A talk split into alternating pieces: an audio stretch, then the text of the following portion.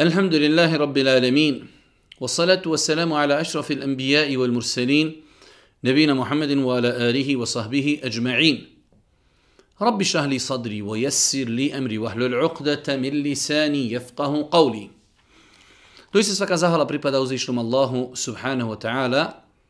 Salavat mir i selam na Allahog poslanika, Allahog binenika Muhammeda, alihi salatu wasalam, njega učasnu porodcu, uzvrte ashabe i sve ljude koji slijede put istine do sudnjega dana. Uvažena vraću i poštovani sestre, uvaženi gledatelji, evo nas u još jednoj emisiji u kojoj se družimo sa vašim pitanjima i vašim dilemama. Ako smo dobro brojali, ovo je naša 115. emisija. Mi smo putem Facebook profila objavili da, pošto se primiće mjesec Ramazan, da ćemo ovim našim emisijama davat prednost pitanjima koja se vezuju za Ramazan, za post, a nakon toga ćemo odgovarati na ostala pristigla pitanja. Prvo pitanje, u mjesecu Ramazanu imat ću gastroskopiju, pa me zanima da li mogu da postim taj dan.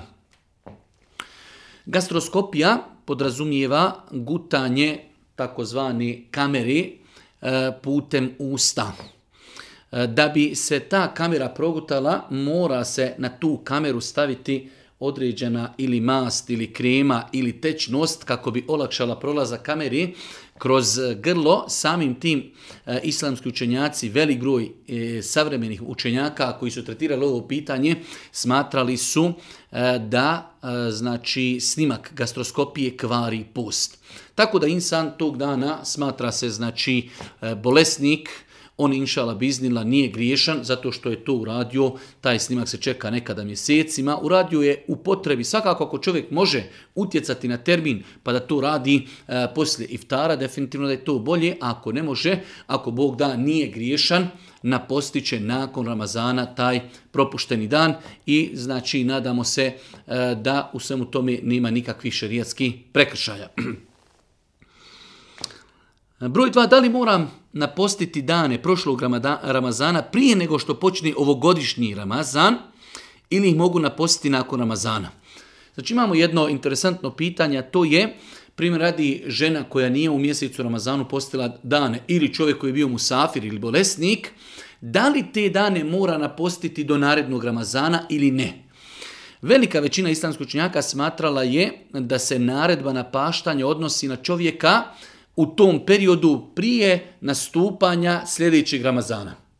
E, dio učenjaka od kojih su učenjaci Hanefijske pravne škole smatrali su da to nije obaveza, ali definitivno da insan E, bi trebao da se potrudi, ipak 11 mjeseci je poprilično velik period, ako insan nije postio 5, 7, 10 dana, znači bukvalno ako bi to napravio lijep raspored, to bi značilo mjesečno dan ili dva da posti i ako Bog da da prije nastupanja e, narednog Ramazana koji dolazi, isposti ono što treba da isposti. Tako da naš je savjet, svi oni koji imaju neki dug posta da li što su bili musafiri ili bolesni ili žena koja je bila u hajzu ili nifasu ili neki drugi razlozi da se maksimalno potrudi da naposti do dolaska sljedećeg Ramazana. Ako bi se desilo da čovjek ne uspije, pogotovo iz opravdanih razloga, kao žena koja je trudna ili žena koja doji dijete ili bolesnik i tako dalje, onda će to ako Bog da uraditi nakon što prođe Ramazan. Treće pitanje, moja Nina, ima 75 godina i ne može da posti mjesec Ramazana iz zdravstvenih razloga. Pije više tableta u toku dana, pa moje pitanje bi glasilo da li može nekako da se iskupi za svoj post, da nekom plati obrok i slično. E, u islamu postoje kategorije koje znači ne obuhvata obaveza posta, a to su stare iznemogle osobe i bolesnici čija bolest je trajna.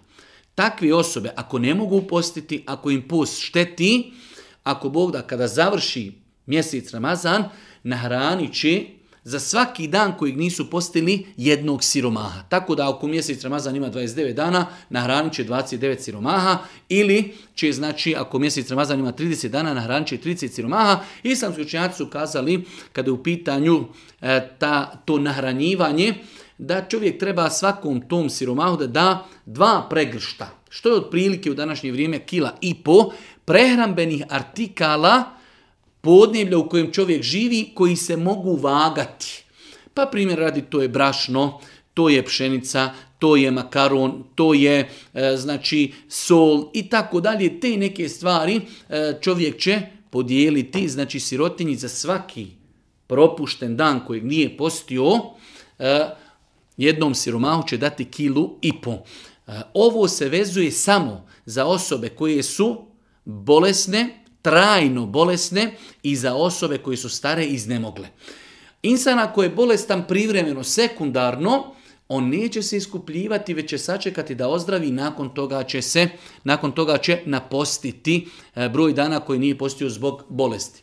Tako da velik broj ljudi e, ne razumije razliku između ovih kategorija. Imamo stare iznemogle osobe, imamo osobe koji su trajno bolesne, Takve osobe će se nakon Ramazana iskupiti za svaki dan kojeg nisu postile na ranči po jednog siromaha, svakom siromahu, da dadnu po kilu i po otprilike prehrambenih artikala jednog podljeblja u kojem čovjek živi.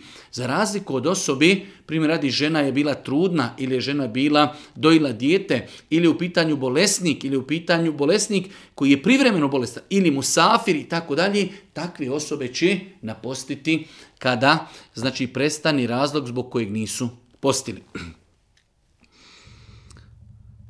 Kako će iftati osoba koja zapusti u jednom mjestu, a iftari u drugom mjestu?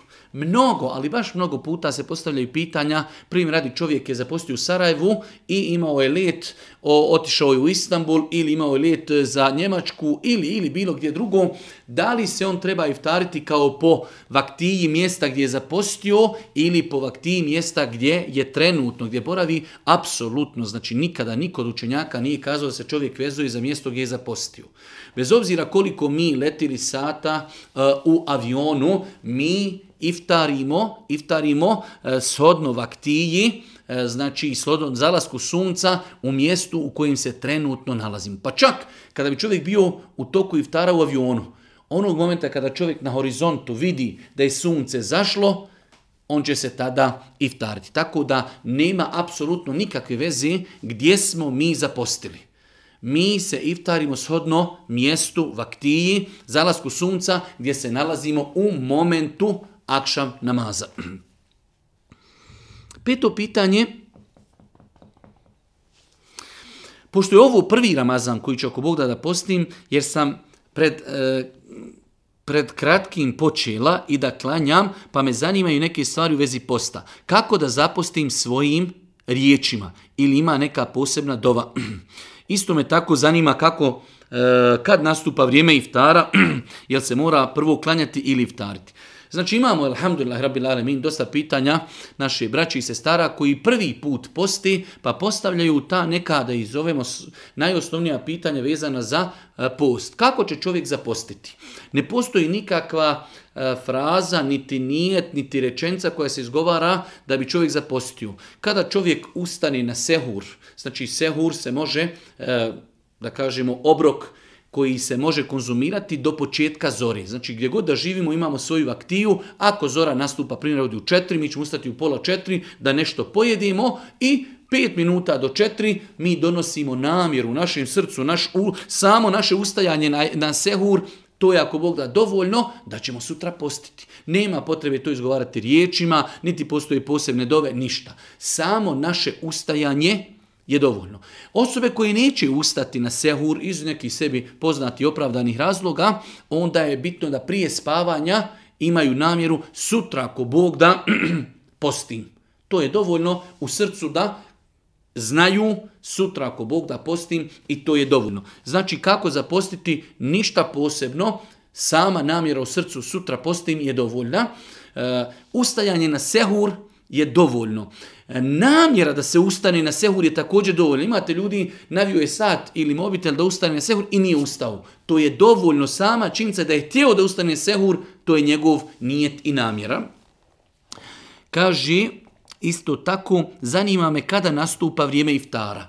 E, čovjek, svaki musliman bi trebao, sada hvala Allahu su postoje velike olakšice, bez obzira gdje živimo, da sebi e, skinemo neku prihvatljivu, Eh, i ispravnu vaktiju za podnijeblje grad u kojem živimo. Imamo dosta sad aplikacija gdje jednostavno putem interneta imamo mogućnost da odredimo akšam nama za bilo koji grad na svijetu da se u njemu nalazimo, tako da ćemo sebi ili nabaviti u štampanoj verziji ili putem interneta mobitela, eh, znači imat ćemo aplikaciju gdje ćemo pratiti kada je zalazak sunca, kada sunce zađe u mjestu u kojem mi živimo, nastupa iftar, nastupa akšam namaz i nastupa iftar, e, lijepo je da se čovjek prvo iftari, što znači iftari, ili da pojede nekoliko datula, ili da popije čašu vodi, da klanja, znači nakon toga, ali je pohvalno i lijepo da prije toga čovjek se iftari, a ne dok ezan zauči da odmah klanja. Ne, kada ezan zauči, kada budemo sigurni da je zašlo sunce, prvo ćemo se iftariti, nakon toga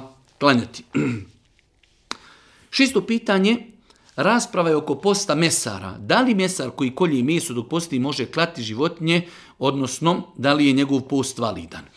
E, klanje životinja u toku posta nema nikakve dodirne tačke sa E, postom. Kao što neko u toku posta opravlja auta, neko znači e, programira, neko prodaje, neko kopa, isto tako taj mesar, znači on kolje životinje i nema njegov posao sa postom nikakve veze. Čovjek će zapostiti u toku dana mesar, kolje životinje, prodaje ljudima meso kao što neko drugi e, kopa, neko treći je doktor, neko četvrti informatičar, peti je ovo ili ono. Taj njegov posao nema nikakve veze sa eh, Ramazanom i validnosti posta.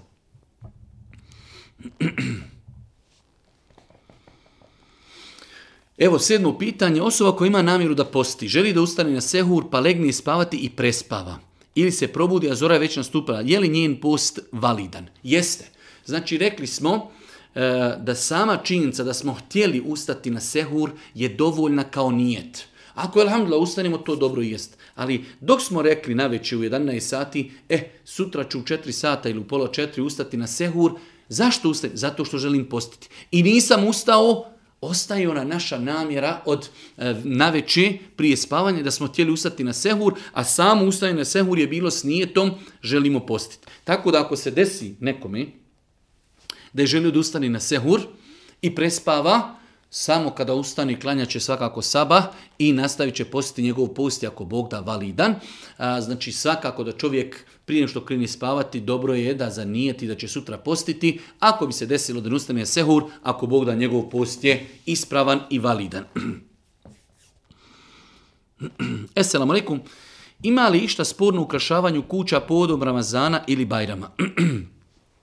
Jedno pitanje koje se u zadnje vrijeme baš često postavlja, Čitao sam, istraživao sam fetve savremenih učenjaka na najvećim web sajtovima eh, u, znači, islamskom svijetu. Nisam našao da je neko to smatrao zabranjim. Pošto ukrašavanje kući ne potpada pod ibadet. To su adeti, to su običaji, sve dok u tom ukrašavanju nema nešto što je sporno islamom.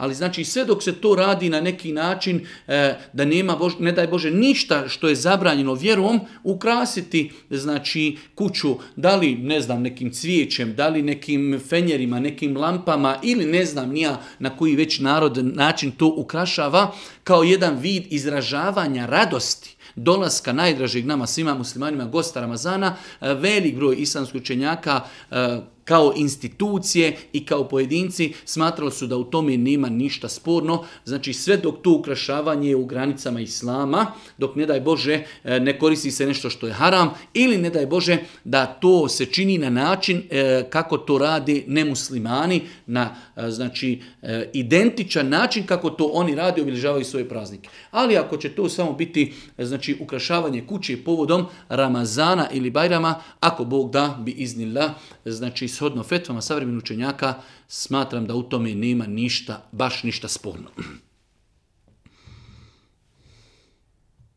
Da li pušenje kvari post?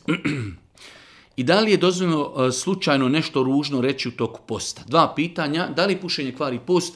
Nije mi poznato da neko od islamskih učenjaka savremenog doba smatra da duha ne kvari post. Znači, svi učenjaci koji govori o postu i govori o stvarima koje kvari post, spominju da jedna od savremenih stvari koja kvari post jeste konzumiranje cigara, konzumiranje duhana, e, jer e, svi oni koji konzumiraju duhan znaju da putem tog dima ulazi e, čestice u čovjekovo tijelo, Poslije mi to možemo vidjeti na različitim e, i videomaterijalima da insan koji konzumira duhan da to ostavlja katran, bukvalno katran ostavlja po njegovom tijelu. Kako je taj katran ušao u njegovo tijelo? Ušao je putem dima. Tako da e, musliman vjernik ne smije da sumlja e, da konzumiranje duhana u toku posta kvari post da li čovjek u toku posta smije kazati nešto ružno, slučajno. Svakako vjernik treba da pazi na svoj jezik, jer je došlo u vjerodostojnim hadisima e, da je Allah poslanik preporučio čuvanje jezika u toku posta.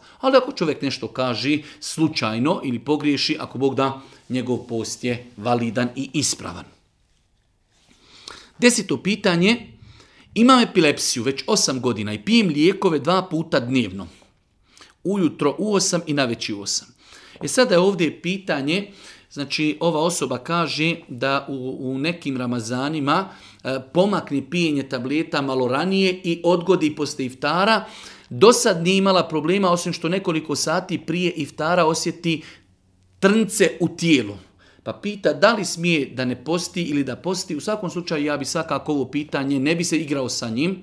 Osoba koja ima epilepsiju, epilepsija je ozbiljna bolest. Mislim da se treba konsultovati sa liječnicima, vjernicima, muslimanima koji znaju šta je obaveza posta, a isto tako koji znaju opasnost odlaganja tableta. Ako postoji mogućnost bez ikakvih zdravstvenih posljedica da se tablete znači u toku Ramazana malo pomaknu naprijed i da se malo odgodi njihovo pijenje, znači nakon iftara, ako doktor kaže da to ne smeta i insan E, u svom životu primijeti da mu to ne smeta, onda svakako treba da posti. Ali ako sugeriši e, povjedljiv doktor, vjerni, koji zna šta je obaveza posta i kaže ne, vi se ne smijete igrati sa tim i tako i tako, onda insan znači e, treba da ga posluša, E, njegove riječi su prihvatljive u islamu, pokušat će možda kada su kraći dani da naposti te dane, ako ne daj Bože ni to ne može, onda će se nakon Ramazana iskupiti za dane koje nije postio i ako Bog da, nadamo se da je ispravno postupio. Znači savjetujemo osobama koje konzumiraju lijekove, E, i želi da poste, da se konsultuju sa liječnicima, vjernicima. Zašto kažemo vjernici? Zato što imate liječnika dok mu nešto kaže, kao da je to neuzubila objava od Allaha, ne mora u 8 i minut se popiti tableta i mora u 7 i minut. Znači, konsultovati liječnike, vjernike koji znaju da je muslimanu naređeno da posti mjesec Ramazan, ako postoji mogućnost e, e, znanstvena, medicinska, da se to može pomjeriti, da se tablete popiju prije, znači nastupanja zori i nakon iftara, ako to može i ako to ne smeta čovjeku, svakako da treba postiti, ako mu šteti i smeta i liječnici, povjerljivi, kompetentni kažu da ne treba se igrati sa tim, onda on potpada pod kategoriju bolesnika. Ako smo obukli e, čiste čarape, mestre, nakon potpunog abdesta, i te nam se čarape isprljaju. Možemo li potirati po njima? Ovdje je pitanje nije dobro definisano kad se kaže isprljaju. E, mi ako smo abdestili, obukli smo čarape i nakon toga u tim čarapama smo možda negdje prošli preko bedona, betona, e, preko prašine, preko zemlje ili, ili nema smetnje da kada abdestimo, da potirimo po tim mjestvama, jer to što smo znači, isprljali nije nečisto. Zemlja nije nečista, beton nije nečista, tako da. ali ako nam se mestve ili čarapi isprljaju od nešto što je u islamu nečisto, ne daj Bože od izmet ili od mokraću ili i neke druge stvari koji su islamom zabranjene, e tada mi više ne možemo potirati po tim mjestama zato što, znači što su one nečiste, zato što su one nečiste. Tako da kada kažemo mestve ili čarapi nečisti, postavlja se pitanje od čega su nečisti. Ako je to zemlja, prašina, beton ili nešto slično, ne smeta da se po takvim mjestima potiri, ali ako je to nešto što je po islamu, zabranjeno jer ne, ne možemo tako uklanjati, onda znači trebamo da skinemo te mjeste i da prilikom abdesta operimo noge. Zamolila bih vas da u, su, da u narednoj emisiji, ako budete snimali, pojasnite samo kako se klanja teravija. Pošto nisam nikada klanjala, a voljela bih ovih godine da počnem i to inšala da praktikujem. Koji je najmanji broj rekiata u kom vremenu se klanja, da li mogu kod kuće klanjati i da li ako počnem da klanjam moram svaki dan da klanjam ili mogu nekad da klanjam, nekada ne. Mogli sama da klanjam e, teraviju kod kući. Znači jedna naša sestra želi da ove godine prvi put počne klanjati teraviju pa se interesuje za propise teravije kada u pitanju žena. E ovako, nekoliko osnovnih propisa. Prva stvar, žena treba da zna da njih namaz u kući je bolji nego namaz u džamiji. Znači, namaz žene u kući po jasnim hadisma Božeg poslanika je bolji nego namaz u džami, ali ako bi se desilo da žena ne zna mnogo Kur'ana, osjeti se ljepše kada ide u džamiju zbog ambijenta i zbog više kirajeta, nema smetnja da žena ide na teraviju i u džamiju, samo da pazi prilikom izlaska iz kuće, da nema nikakvih šerijatskih propusta, da se lijepo pokrije, da nije namirisana, da nije našminkana i tako dalje. Znači prva stvar je da je ženi namaz u kući bolji. E, teravija nama se klanja od nakon jacije pa se može klanjati do polovini, do polovini noći, pa čak i da se klanja znači i, i do zori, ako Bog da u tome nema ništa sporno. Da se klanja do samog sehura, nema u tome ništa sporno. E, klanja se tako što se na namazu uči na glas. E, klanjaju se dva rekiata po dva. Čovjek klanja dva rekiata, preda selam, pa ako može još dva rekiata pa preda selam. Pa ako može, još. Znači nema ograničenja koliko minimalno, niti koliko maksimalno. Klanjaju se po dva rekiata, od perioda nakon jacije, nakon što se klanjaju sunnet jacijski, pa sve do pola noći i sve do nastupanja zori. To su neke osnovne stvari. Žene, u e, kućama mogu međusobno da klanjaju džematile. Znači ako imamo u jednoj kući e, majku i dvije čirke i snahu i zavu ili ne znam nija, imaju mogućnost da zajedno klanjaju, jedna od njih će ih e, predvoditi u namazu. Nema smetnje, pošto je teravija dobrovoljni namaz, da se čak Kur'anu namazu uči iz mushafa. Znači, ako bi žena željela da klanja duže, a ne zna mnogo Kur'ana na pamet, nema smetnje da uzme mushaf u ruku, uči, uči, uči, kada tjedne da završi, spusti pored sebe Kur'an na sto, ode na ruku, ode na seždu, kad se vrati, ponovo uzme mushaf i uči iz mushafa. Svakako da je bolje učiti na pamet, ali u datom momentu to je teravija, to je dobrovoljni namaz, nema smetnje, znači da se uči iz mushafa. Nadam se, inšala, da smo odgovorili na sva ova pitanja. Pitanje bilo koji je najmanji broj rekiata, znači nema najmanji broj rekiata, dva po dva. Dva po dva, pa koliko čovjek hoće, niti najmanji broj, niti najveći. U kojem vremenu rekli smo od jacije pa sve do sehura, Mogu klanjati kod kuće, da, za žene je bolje da klanjaju teraviju kod kuće, a mogu klanjati i u džami, ali treba da pazi kako se oblači i kako izlazi iz kuće. Da li ako počnem klanjati jednu noć, moram klanjati svaku noć? Ne. Znači, teravija namaz je dobrovoljni namaz, bitno je čovjek klanja, ja akšam, zato što je je postio da klanja jaciju, farze, nakon toga ako je odmoran, ako može, ako ima priliku, ima želje i htjenja, da klanja jednu noć, možda klanja jednu noć, ne klanja, tri noći klanja, jednu ne klanja, tri ne klanja, jednu klanja, nije, znači teravih namaz nije obavezan namaz. 13. E, pitanje, propis ugošćavanja gosta koji ne posti u Ramazanu. Jedno od pitanja koja se počesto postavlja, a to je e, da čovjek posti, žena i, i muž posti, dolazi im neko u goste, e, ko ne posti. I onda se oni stide da mu ne, iznosu, ne iznesu kahvu ili kolače i tako dalje. U svakom slučaju, ako se radi o osobama kojima je obaveza postiti, koji su nam došli u goste, onda nije dozvoljeno da im iznosimo bilo šta čime ćemo ih znači ugostiti u smislu da nešto pojedu i popiju. Šta ovo znači? Ako nam je došao prvi komšija i komšinica koji nisu mu musafiri ili nešto drugo, nisu bolesnici, žena nije u hajzu, onda im ne smijemo ništa iznijeti jer je to vid podpomaganja na grijehu. On ne posti, a mi ka evo dobro, ti ne postiš, ti si u haramu, ali evo od mene kahva. Ne, ne može to što ti ne postiš je grih, ali ja te ne želim pomagati. Ali ako bi se desilo, žene između se znaju, žena je došla kod žene i zna se da je ta žena u hajzu.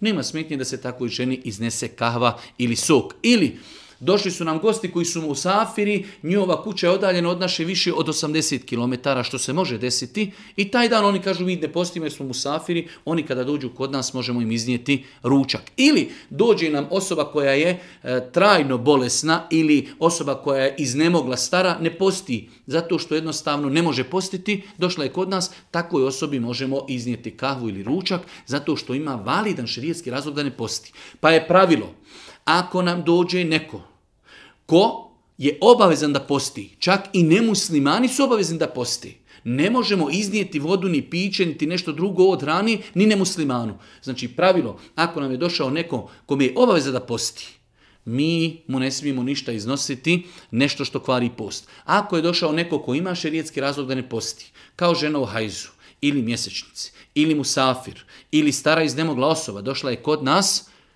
takvima osobama imamo pravo iznijeti e, nešto da pojedu, da popiju, makar mi i postili.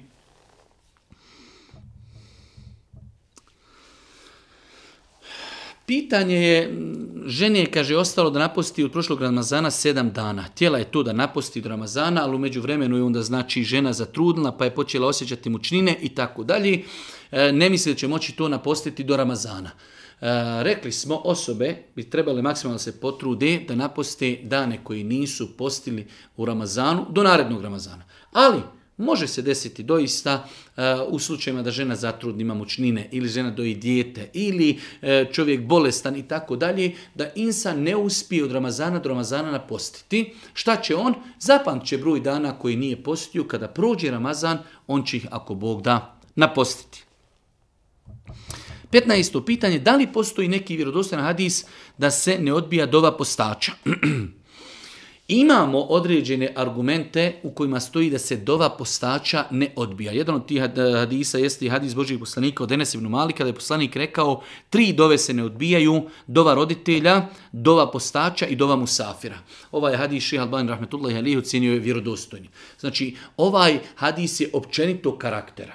Imamo dvije vrste hadisa koji govori o dovi postača. Imamo do, dova prilikom iftara i dova općenito.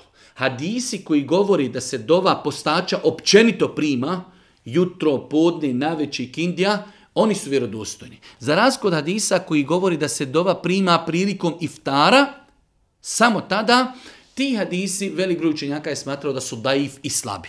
Svakako, e, i daif hadis po njemu se može postupati ako su u pitanju dobra djela i ako nije žestoko daif, tako da e, nema smetnje da čovjek u toku dana kada posti što više dovi, e, u bilo kojem periodu, ali eto kažu islamski učenjaci i zbog ovih daif hadisa, ali isto tako zbog činjenice čovjek u toku dana cijeli dan je u ibadetu. posti, gladuje. E, pred iftar jednostavno jedna, jedan poseban ambijent, skrušenost, e, to bi isto moglo biti vrijeme kada se dove ako Bog da prima i tako da čovjek vjernik e, znači ponašat će se po ovim općenitim hadisima da je Boži poslanik kazao da se dove postača primaju, tako da insan treba u toku to posta da koristi vrijeme da što više dovi u nadi da će se Allah odazati odazvati njegovim dovama.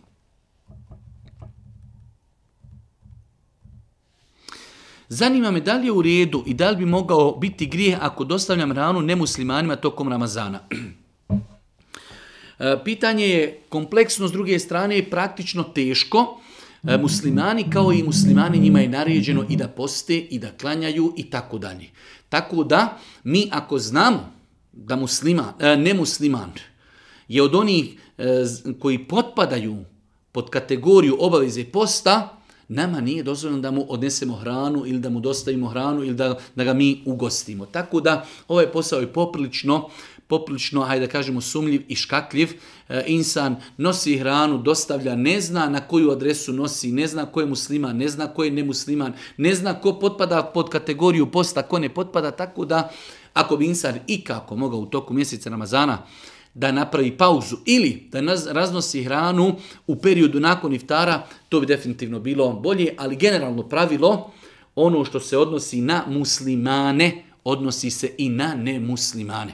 Kao što ne smijemo ugostiti komšiju koji je musliman i ne posti, nema validnog razloga, isto tako ne smijemo odnijeti hranu ili ugostiti čovjeka nemusliman. To što nije musliman nikako ne znači da on ima pravo da krši da, im, da krši pravila. Allah Žešanu kada govori o sudnjem danu kaže šta je to e, što vas je uzrokovalo da ste završili u džehennemu, kažu mi nismo klanjali. Pa je ovo jedan od dokaza da nemuslimani će na sudnjem danu biti kažnjani što nisu klanjali. Samim tim islamski učenjaci kažu da se i na njih odnosi naredbe. 17. pitanje jedno malo duže pitanje, u prošlosti sam oblačila svakako odjeću, objavljivala slike i slično. Dok se u meni nije probudila želja za hijabom. Slike koje mogu ukloniti sam uklonila, međutim postoje slike koje nisam u mogućnosti obrisati i tako dalje. E, pitanje je da li je griješna osoba koja ne može utjecati da se određene slike na kojima ona otkrivena izbrišu nakon što se ona pokrije. To su ti takozvani repovi džahilijeta i repovi grijeha ono što insan treba jeste da se pokaje Allahu i da se pokrije. Da poduzme sve što može da se te slike na kojima je žena otkrivena pobrišu. O, a neke slike koje ne može, e, neko odbija da ih pobriše i neko ne želi, neke su se toliko proširile, Znači, to su takozvani ti neki repovi teube, repovi grijeha, repovi džahilijeta, gdje jednostavno E, insana će to upeckat, žena možda nosi mahramu 5-7 godina i tamo vidi kod nekog sliku gdje je ona otkrivena i zastidit će se i sve, ali treba da zna da zbog toga inšala ona nije više griješna, pokajala se zbog tog grijeha, ali to su e, neki, hajde da kažemo, tragovi grijeha koji čovjek ne može on utjecati na njih. Čovjek treba da se potrudi, odnosno žena u ovom konkretnom slučaju, da jednostavno e, sve osobe za koje zna da imaju njenu sliku gdje je otkriven, da ih zamoli, da ih nazove, kaže ali vas nagradio, ja sam se pokrila, možete li te slike da uništite, da ih znači, e, pogotovo ako su u pitanju slike koje su javno, da se sklonu kako ljudi ne bi imali pristup takvim slikama. 18. pitanje, malo duže pitanje, ali rezmije pitanje, da li možemo otići na iftar osobi koja nas zove u restoran, e, u kojem se inače E, i u toku iftara nudi znači alkohol, ali eto, znači oni organiziraju iftare, za našim stolom neće biti alkohola, a tamo neko drugi može da pije i tako dalje. E, možda će neko to povezati sa onim našim odgovorom kada smo kazali da čovjek da li može čovjek jesti u restoranima u kojima ima alkohol, pa smo kazali da prvo treba potražiti restoranu u kojima nema alkohola. Ovo je sve pod uvjetom da je hrana koju će čovjek jesti kod njih halal.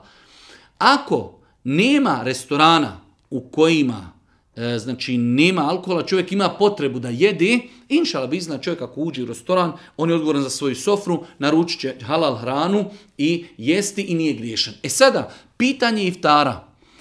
Da li mi možemo biti u situaciji da se moramo nekome odazvati na iftar u restoran eh, u kojem ima alkohola? Ja mislim da ne možemo biti eh, u situaciji da smo gladni i potrebni, ostaćemo kod svoje kuće pa ćemo iftariti. Tako da eh, nikako ne preporučujem da se ide na iftare u restorane u kojima se nudi i servira alkohol. I mislim da to treba tim organizatorima kazati, bez obzira da li su to prijatelji, se kaže ali vas nagradio, e, želite da okupite ljude na iftar, nađite onda lokaciju, nađite lokaciju u kojoj nema alkohola i svinjetine, pa da onda možemo doći, da se možemo odazvati, ne možemo vam se odazvati, bez obzira što će na tom iftaru biti halal hrana i što e, za našom sofrom gdje iftarimo nema alkohola, ali ima alkohol e, u, e, na drugim stolovima i to je jedan vid odobravanja. Mi smo znači kazali, ako čovjek naputuje, nema drugi opcije osim da jede u takvim restoranima, tada će ju rati. Ali ako ima opciju, mi sada imamo opciju, ostaću kod kuće i iftariću kod kuće. Tako da, e, ako budete pozvani na iftar u restoran u kojem se i dalje u toku iftara servira alkohol za drugim stolovima, ja ne preporučujem da se čovjek odaziva takvim iftarima. Imam pitanje vezi Ramazana, želim posjeti Ramazan, želio bih da znam u koliko sati prije, eh, kada nastupa sehur i kada nastupa iftar. Nekoliko puta smo kazali da se ovo pitanje vraća na podneblju u kojem živimo. Nije isto vrijeme iftara u Saudijskoj Arabiji i u Bosni i u Maleziji, i u Americi i u Australiji. Svako podneblje mi znači, počinjemo postiti od momenta pojave zore do zalaska sunca. E svako sebi treba u e, podneblju kojem on živi ili naći štampanu vaktiju od e, kompetentne institucije, provjerljive ili da instalira sebi neku povjerljivu i e, dokazano tačnu aplikaciju putem interneta koja je jednostavno izračunata kada je pojava zori, kada je zalazak sunca. Znači, generalno, bez vaktije mi muslimani znači, treba da znamo da postimo od pojavi zori do zalaska sunca. Ali, alhamdulillah, imamo u današnje vrijeme mnoge stvari koje su olakšane. Čovjek treba shodno svom podneblju. Nije, znači, ista satnica u Mekki i u Istanbulu, i u Australiji, i u Americi. Apsolutno, znači razlike su ogromne. Čovjek treba da se predržava vaktije za podneblje u kojem on živi. Od zalaska, od pojave zori, prestajemo jesti, klanjamo nakon toga saba, do zalaska sunca prekidamo post i klanjamo akša. Pitanje osobe koji radi teške poslove u mjesecu Ramazanu, ako ne mogu izdržati post u toku dana kada rade i šta će raditi. Prva stvar, kada su u pitanju osobe koji radi teške poslove, doista imamo osoba koji radi izuzetno teške poslove, gdje je skoro, nećemo reći nemoguće, ali veoma teško je izdržati i postiti raditi takve poslove. Šta je rješenje? Prva stvar, vjernik bi trebao zna da će doći Ramazan i da nam je obaveza postimo, da prije Ramazana pokuša uskladiti svoje obaveze, da li da uzme godišnji, da li da uzme neplaćeno, da li da se dogovori da radi pola dana ili, ili da pokuša sebi olakšati. Na sve te neke načine, ili da uzme godišnji, da uzme neplaćeno, da smanji satnicu, ako može dogoditi da dolazi kasnije, da odlazi ranije, znači sve je to u pitanje dogovora sa vlasnikom, znači odnosno čovjekom, njegovim poslodavcem. Ako čovjek ne može to ništa, mora raditi, ima potrebu, ima porodcu, ima djecu, trebamo egzistencija, u takvim slučajevima, kažemo, čovjek treba svaki dan da zapusti. Neispravno je od kuće krenuti, doručkujem i krenuo, idem na posao. Ne, čovjek mora zapostiti. Ide na posao, posti.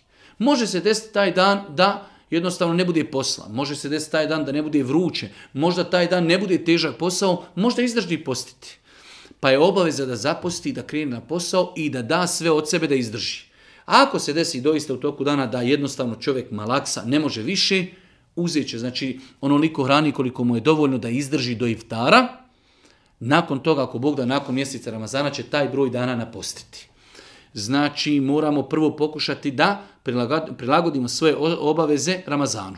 Ako u tome ne uspijemo, znači, e, moramo od kuće krenuti da smo zapostili, i potruci da taj dan ispostimo. Ako se desi da u toku posta, znači e, ne daj Bože malaksamo, ne možemo više, tada će čovjek pokvariti post, uzet će hrane koliko mu je dovoljno da iftara, nakon toga zapamće broj dana koji nije postio i napostiti ih nakon Ramazana.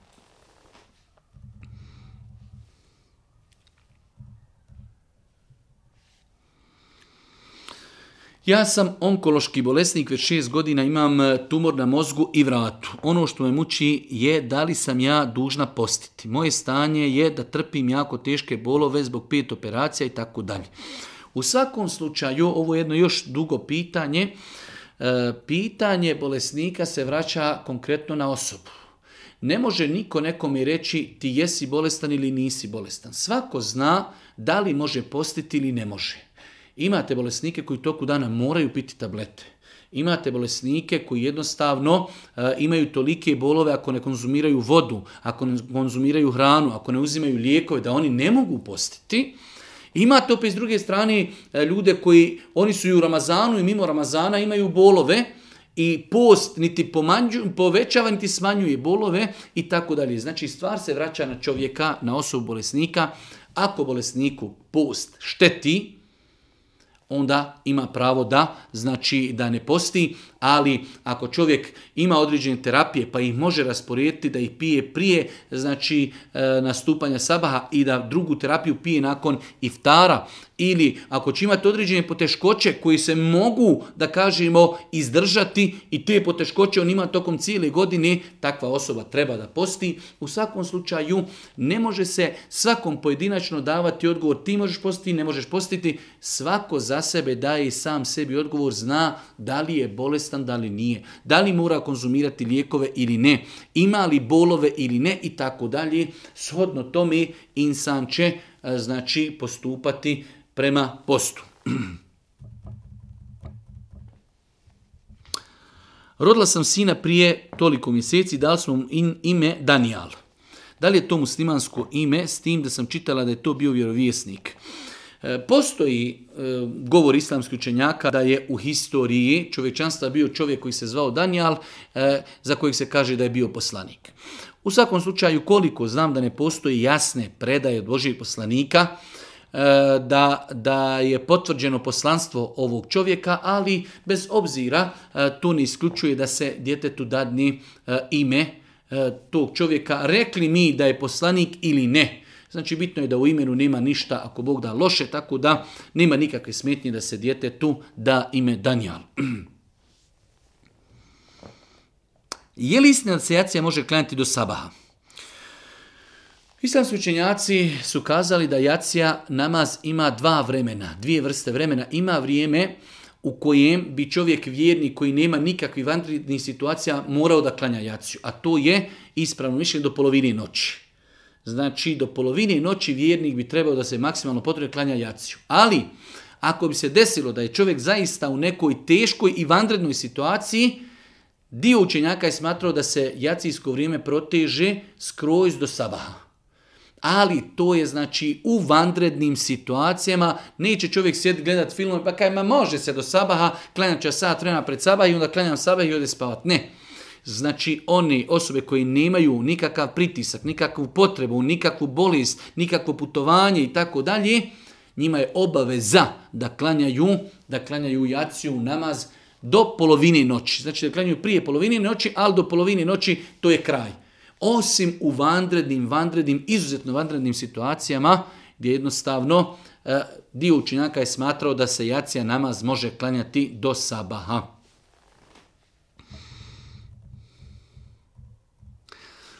Pitanje, u situaciji razornog zemljotresa koji zadesi klanjače, da li će oni pobjeći iz da znajući da bi možda mogli poginuti ili će nastaviti da obavljaju namaz i da li se smatraju su počinili ako ne pobjegnu?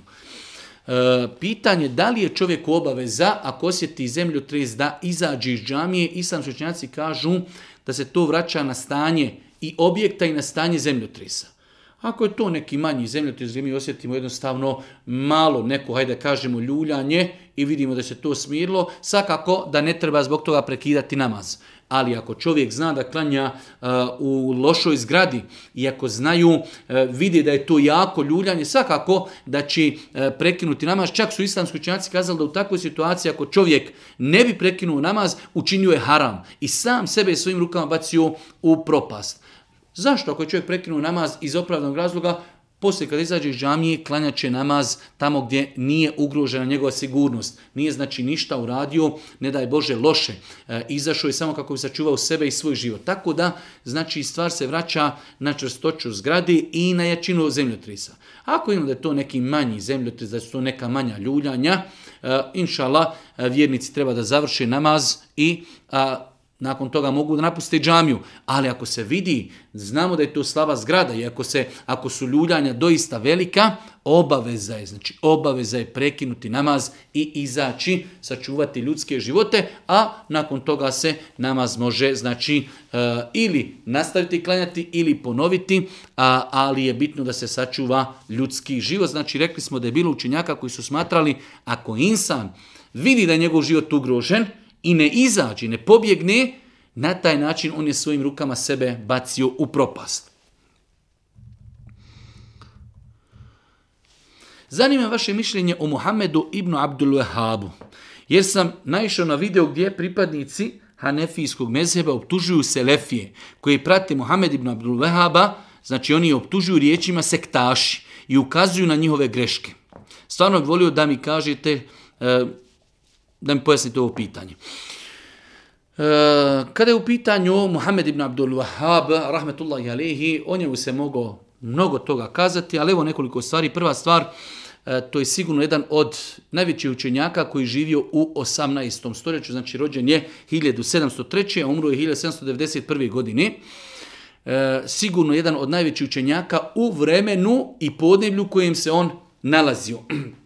Definitivno je ehli sunnetski učenjak. Veliki je borac protiv širka i protiv novotarija. I to su stvari zbog čega velik broj ljudi ne voli Muhammed ibn Abdul Wahaba zato što se borio protiv širka borio se protiv sujevjerja, borio se protiv novotarija i velik broj ljudi kada naiđu na govor u kojem on osuđuje novotarije, osuđuje širkijate i ono što vodi širku, onda se nađu prozvani i onda ide drvlje i kamenje po Muhammed ibn Abdul Wahabu i po onima koji se pozivaju na e, šeha Muhammeda ibn Abdul Wahaba. E, poznato je da je Muhammed ibn Abdul Wahab e, bukvalno možemo kazati, iako je historijski daleko, ali učeni kod Ibnu Tejmije, Ibnu Qajima, rahmetullahi alihi, a svi znamo ko su bili Ibnu Tejmije i ko je bio Ibnu Qajim, bukvalno, znači njegovo djelovanje, njegove knjige, njegovi e, citati prepuni su prepuni su e, govora u kojima prenosi znanje od Ibnu Taymi rahmetullahi alihi o Ibnu Qajima, a svi znamo da su Ibnu Taymi i Ibnu Qajim rahmetullahi alihi jedni od najvećih autoriteta u historiji e, islamskog ummeta, njegova djela govori o njemu najviši. To što e, sada mi dođemo i iskopavamo e, neki, hajde kažemo, govor nekih e, bolesni ljudi, pa on je bio ovakav, onakav, o njemu sudi njegova djela.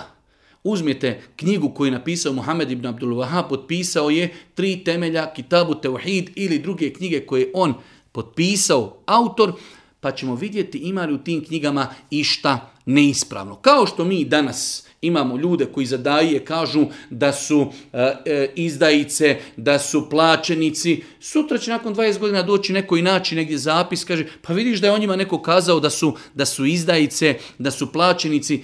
to, jel to istina? Ma, Apsolutno nije istina. Tako da e, stvari koji se govori o Muhammed ibn Abdul Wahabu od strani e, ljudi koji ga ne voli, e, koji ga ne simpatišu, da li treba u sve vjerovati? Apsolutno da ne treba vjerovati. Interesantno je spomenuti da na našem podneblju velike autoriteti o Mohamed ibn Abdul su pričali eh, u superlativu i više nego pozitivno. Jedan od njih je i Ahmed Smajlović koji je jednu od njegovih knjiga preveo tri temelja i štampana je od strani rijaseta islamske zajednice, znači islamske zajednice u Bosni i Hercegovini, eh, štampana je njegova knjiga Tri temelja Ahmed Smajlović.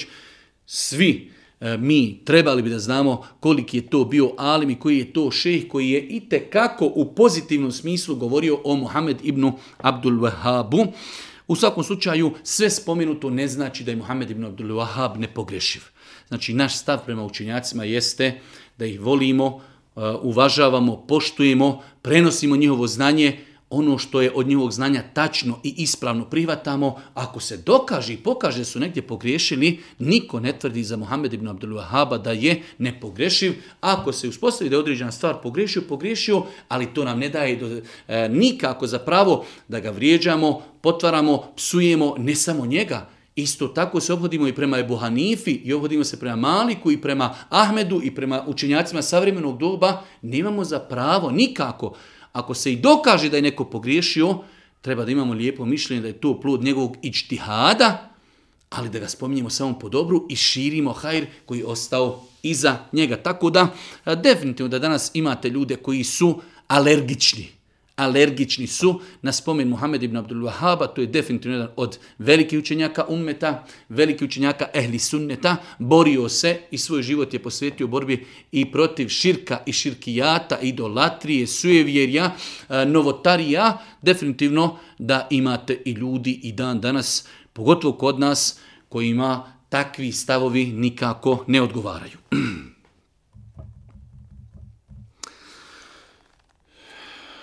Moja majka ne zna čitati Kur'an na arapskom. Elhamdulillah, eh, u vjeri je, ali ne poznaje arapsko pismo, pa sam htjela da pitam da li ja mogu za nju učiti hatmu.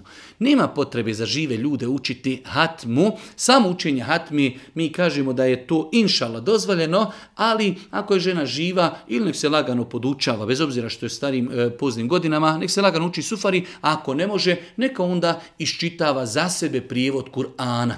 Neka ono što zna na pamet, znači uči, ako može nek lagano uči i nove sure i neka iščitava prijevod Kur'ana, ali sada za živu osobu da učimo hatmu, mislim da zatim nema doista potrebi. Ako, na primjer, škarac hoće da oženi ženu koja nije muslimanka, je li im halal brak ako se ne vjenčaju šerijetski? Nije. Nije halal brak. Čovjek bez obzira ako ženi ženu koja nije muslimanka, muslimanima je dozvoljeno da ženi dvije vrste nemuslimanki židovkinje i ehlul kitabike kršćanke. Znači muslimanima je dozvoljeno ako su čestite i moralne da oženi ženu židovkinju ili kršćanku pod uvjetom da su moralne česte, ali mora biti vjenčanje, mora biti bračni ugovor. Znači to što ženi nemuslimanku ne znači da može samo sa njom živjeti onako bez ikakve procedure. Ne. Mora se ispuniti sva procedura kao da ženi ženu muslimanku. Znači, čovjek ako ženi nemuslimanku, iako smo rekli više puta da to nije pohvalno, ali Kur'an je to dozvolio da se žene ili židovkinje ili ehlul kitabike, dozvoljeno, ali sa svom procedurom identičnom kao da se ženi žena muslimanka. Imala bih pitanje da li je dozvoljeno konzumirati, to jest vitamine u obliku tableta pivskog kvasa, zbog visokog sadržaja B vitamina i tako dalje, to mi je doktor odredio i tako dalje. U svakom slučaju, e, mislim da smo već davali odgovor na pitanje konzumiranje pivskog kvasa gdje smo rekli da na stranici poznatog Alima i šeha, e, Šiha Mohameda Salihamo Nedžida, njegova stranica e, pitanje i odgovor su Islam Ka, islamka, e, postoji detaljan odgovor u kojem je on na kraju dao fetvu da je dozvoljeno konzumirati e, znači pivski kvasac da je dozvoljeno konzumirati pijski kvasac i da s aspekta islama nema ništa sporno u tome. Znači, ja nisam analizirao to pitanje, vjerujem, ovo je izuzetno ozbiljna, povjerljiva stranica. Kada su u pitanju savremena pitanja, pristupaju izuzetno ozbiljno, studiozno, tako da prenosim njihov stav da na stranci e, šeha Muhammeda Saliha El Muneđida, fetva broj 133.579. E, 1.33.579. Znači možemo naći na njegovoj stranci fetvu, mislim da čak postoji možda i na nekim drugim jezicima, da se može pročitati gdje ših eh, El Muneđid smatra da nema ništa sporno u konzumiranju pivskog kvasa. Pitanje broj 29. Odem u džamiju i poslije namaza ustanovim da nam je dijete imalo prljave pelene, a hodalo ispred nas u namazu. Da li nam je time pokvaren abdest? Apsolutno ne. Znači, ako ima žena dijete i ustanovila je nakon što je došla kući da je dijete u toku boravka u džamiji imalo e, nečistoće u, e, znači, evo kako ovdje zove, pelene, u pelenama i dijete je hodalo ispred klanjača, da li time ono e, kvari njihov namaz? Apsolutno ne. Apsolutno ne. E, hodanje djeteta ispred klanjača nema nikakve veze sa njihovim namazom. 30. E, pitanje, jedno malo duže pitanje, a, u kojem je čovjek citirao onaj hadis da je Allah poslanik ali pitao Bilala radi Allah e, čime ga je pretekao u džennetu. Kada je ušao u džennet već je čuo ispred sebe kako Bilal e, hodi ispred Božih poslanika, pa mu je kazao Bila radijallahu taranhu da kada god bi uzeo Abdes klanjao bi dva rekeata. pa je pitanje kako i na koji način se klanjaju ta dva rekeata.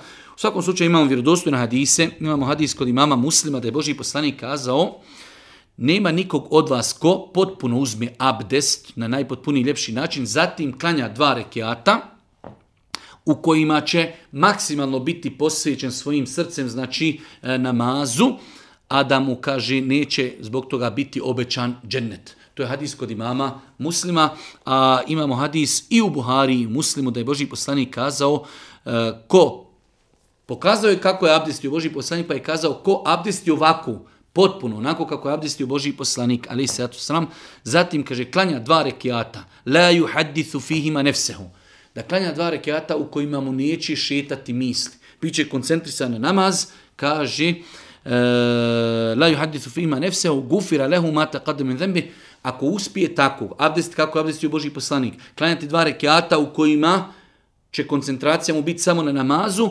Zbog toga ćemo, kaže, biti oprošteni grijesi koji je prijetodno učinio. Misli se definitivno na mali grijehe. E, ovo su hadis koji potvrđuju da je lijepo poslije uzimanja abdesta klanjati dva rekiata i ta dva rekiata se mogu klanjati tokom cijelog dana i noći. Pa čak i u periodu kada je zabranjeno klanjati na filu, jer je ovo na fila koja ima svoj povod. Ovo je na fila koja ima svoj povod. Klanjat će se dva klasična rekiata kao što se klanjaju sabahski sunneti. Znači, donosimo tekbir, učimo e, početnu dovu subhaneke, euza, bismillah, fatiha, bismillah, pasura. I onda idemo na ruku, vraćamo se na seždu, vraćamo se, na drugom rekiatu učimo ponovo bismilu, učimo fatihu, opet bismilu, učimo suru, odlazak na ruku, povratak sa ruku, a sežda i znači tehijatu i predajemo selam. Klasično, znači dva rekiata kao dva rekiata sabahski sunneta ili dva rekiata sabahski farza, identično isto.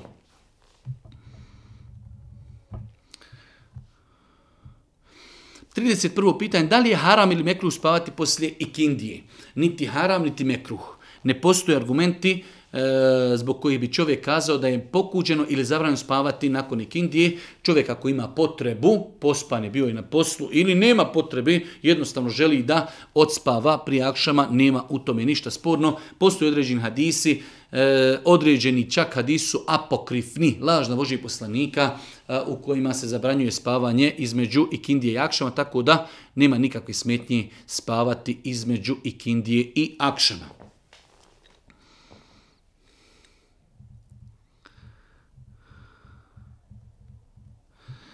Pitanje zadnje, 32. pitanje. E, dva puta sam se zadesio u džamiji na namazu gdje imam je donio stolicu i tako obavio namaz. Sve uradio, radnje uradio stojeći osim seždi. Pitanje kako se ponašati u takvoj situaciji, mislim da e, ovo pitanje je doista jedno izuzetno teško pitanje u kojem islamski učenjaci imaju mnogo dug govor i velika razilaženja.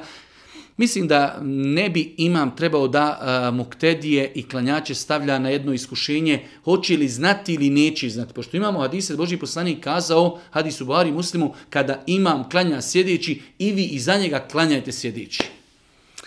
Mi, ako klanja imam na stolici, već dovodimo na taj način muktedije da ne znaju kako će klanjati. To će klanjati stojeći ili će klanjati sjedeći.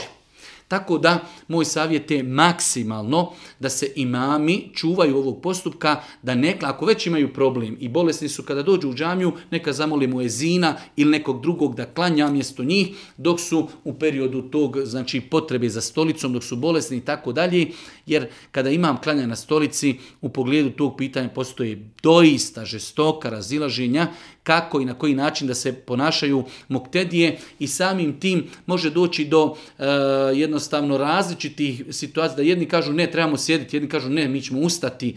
E, tako da mislim, e, bez obzira, bez obzira, znači ne želim uopšte da preferiram neko mišljenje, smatram da imam ne treba ljude stavljati na taj vid iskušenja tako što ljudi neće znati kako će se ponašati, tako da definitivno, znači ako već ima potreba da se klanja na stolici, onda je bolje da imam bude u safu, a da muezin ili neko drugi predvodi ljude u namazu.